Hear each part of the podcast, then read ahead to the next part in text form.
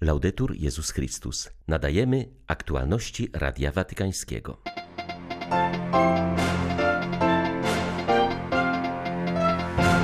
Pandemia ujawniła bolesną prawdę o coraz większej marginalizacji znaczenia niedzielnej Eucharystii w życiu chrześcijan. Zwraca na to uwagę papież w przesłaniu na Krajowy Tydzień Liturgiczny we Włoszech. Organizacje humanitarne alarmują, że do poszkodowanych w wyniku trzęsienia ziemi Haitańczyków nie dociera wystarczające wsparcie. 600 tysięcy ludzi jest bez dachu nad głową.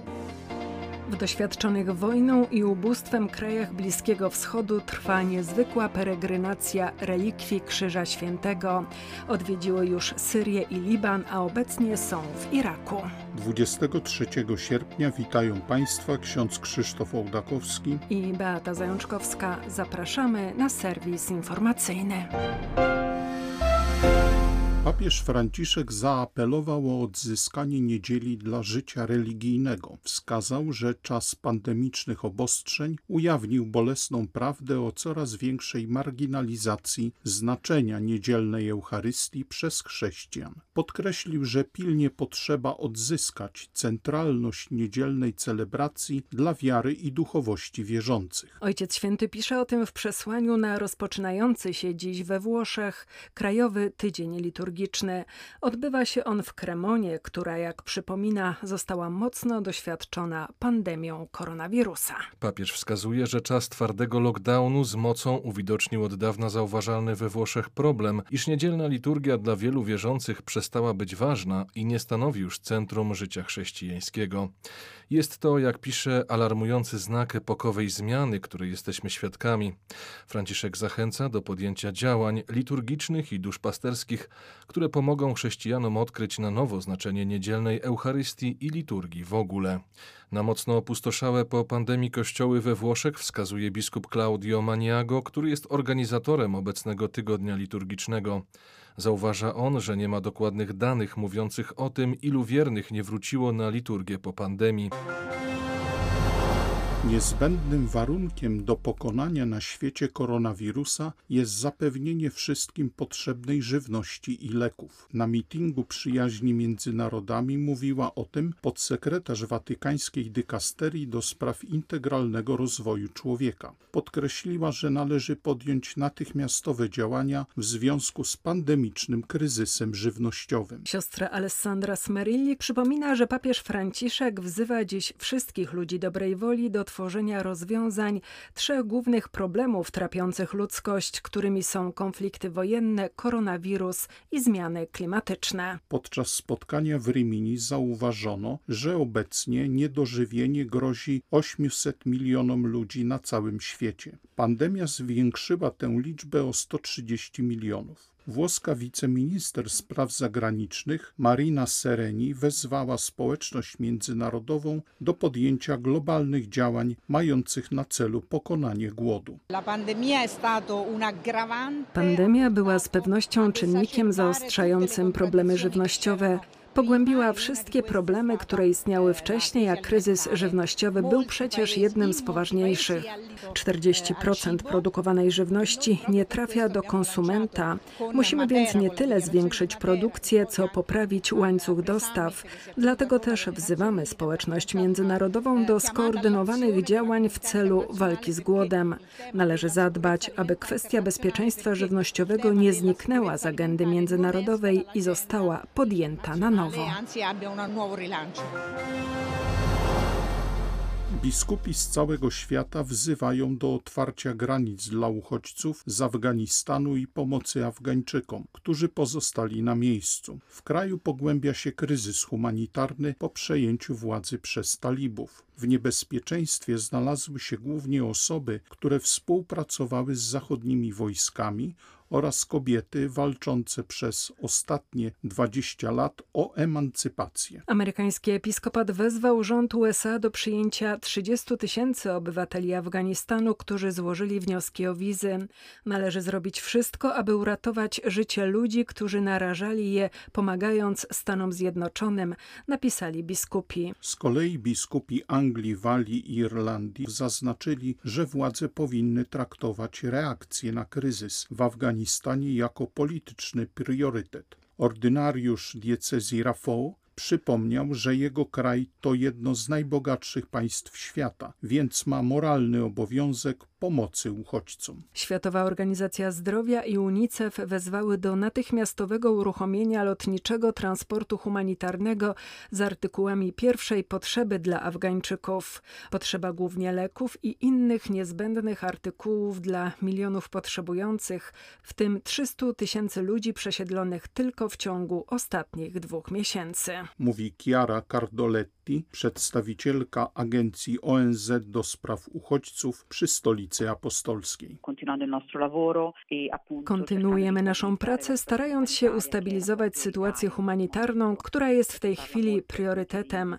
Dużo mówi się o korytarzach humanitarnych i ewakuacji, ale dla nas w tej chwili najważniejsza jest sytuacja ponad 500 tysięcy osób wewnętrznie przesiedlonych, które uciekły ze swoich domów po tym, jak wrócili talibowie.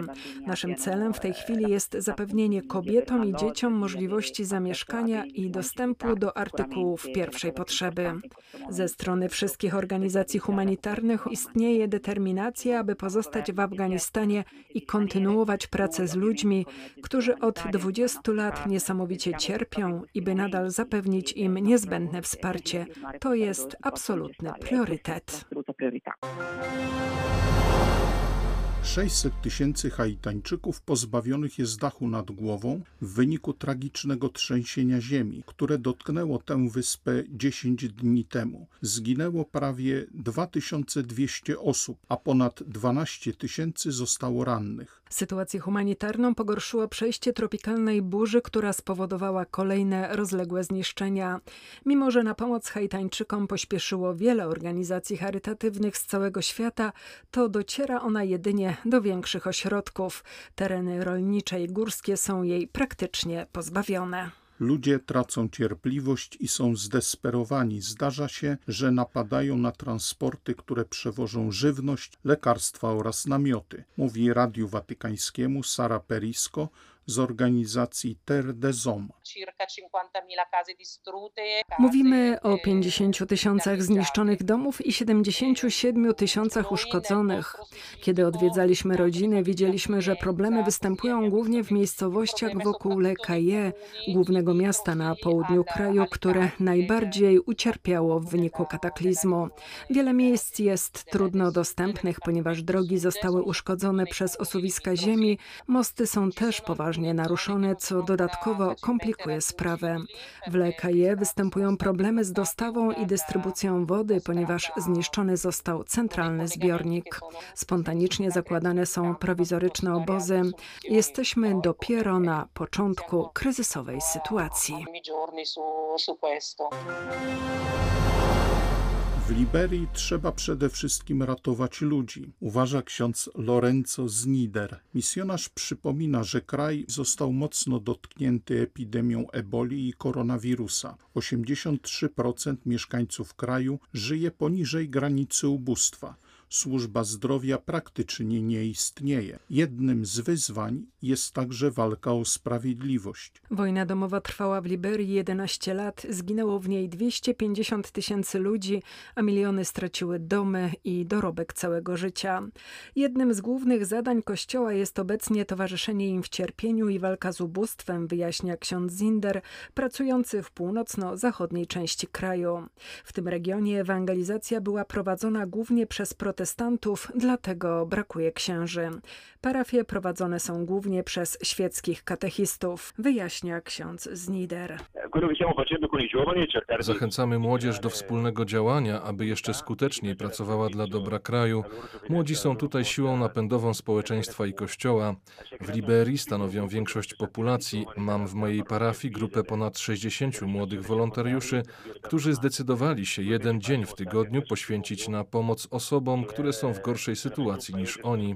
Od roku wspólnie pomagamy w budowie szkoły w jednej z wiosek położonych głęboko w lesie, blisko granicy. Jest tam mnóstwo dzieci, które inaczej nie miałyby żadnego dostępu do edukacji.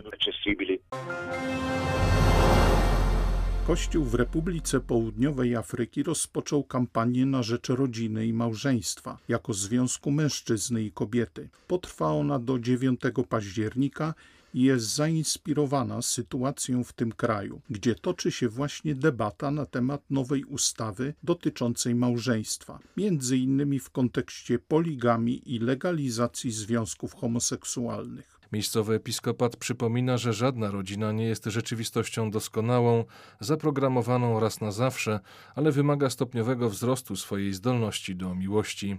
Biskupi podkreślają, że choć dane dotyczące poziomu życia małżeńskiego i rodzinnego nie napawają optymizmem, istnieją związki małżeńskie i ogniska rodzinne, które stanowią świetlany przykład nadziei na to, co można osiągnąć pomimo napotykanych problemów i wyzwań.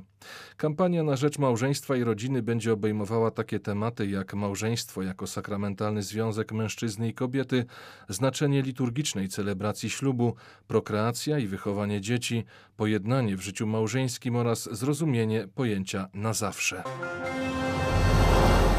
W doświadczonych wojną i ubóstwem krajach Bliskiego Wschodu trwa niezwykła peregrinacja relikwii Krzyża Świętego. Odwiedziły one już Syrię i Liban, a obecnie znajdują się w Iraku. Chrześcijanie, którzy doświadczyli straszliwych prześladowań ze strony islamskich fundamentalistów, odnajdują się w tym krzyżu i widzą w nim zapowiedź zmartwychwstania, mówi Radiu Watykańskiemu ojciec Nor Thomas, który odpowiada za peregrinację. Iracki franciszkanin zauważa, że pielgrzymce relikwii towarzyszą ogromne emocje i wielkie nadzieje. Kościoły są pełne ludzi, ze wzruszeniem mówią, że poczuli się ważni z tego powodu, że ktoś właśnie o nich pomyślał i właśnie zechciał im przywieźć te bezcenne relikwie. Mówili, że po wizycie Franciszka w Karakoszu jest to dla nich kolejny znak nadziei na lepszą przyszłość. Od wielu ludzi słyszałem: Ojcze, dziękujemy, że o nas pamiętacie. To porusza. W tym kontekście ta pielgrzymka nabiera szczególnego wymiaru nadziei. Wiele z tych osób chciałoby móc pojechać do Ziemi Świętej, ale z powodów politycznych jest to niemożliwe. Oni w swoim życiu bardzo mocno doświadczyli cierpienia krzyża, a teraz chcieliby doświadczyć zmartwychwstania. Mieszkańcy tych krajów od lat doświadczają dramatycznych skutków wojny, którą postrzegają jako swój krzyż i liczą, że dla ich rodzin oraz ojczyzn po bolesnym czasie krzyża przyjdzie wreszcie światło prawdziwego zmartwychwstania. W oczekiwaniu na beatyfikację prymasa Wyszyńskiego. Tyle najrozmaitszych inicjatyw, dobrych zamiarów, wysiłków, trudów ludzie podejmują. Ale cóż z tego, kiedy tam, tam jest często brak prawdziwej miłości Bożej do dzieci Bożych. Wczoraj późnym wieczorem po przyjeździe z Warszawy oglądałem takie pismo niemieckie. Der Spiegel, tak się nazywa. I w tym piśmie prawie, że co trzecia strona to armaty, armaty, bomby, bombowce, a nawet wspomnienia najazdu na Polskę w 1939 roku.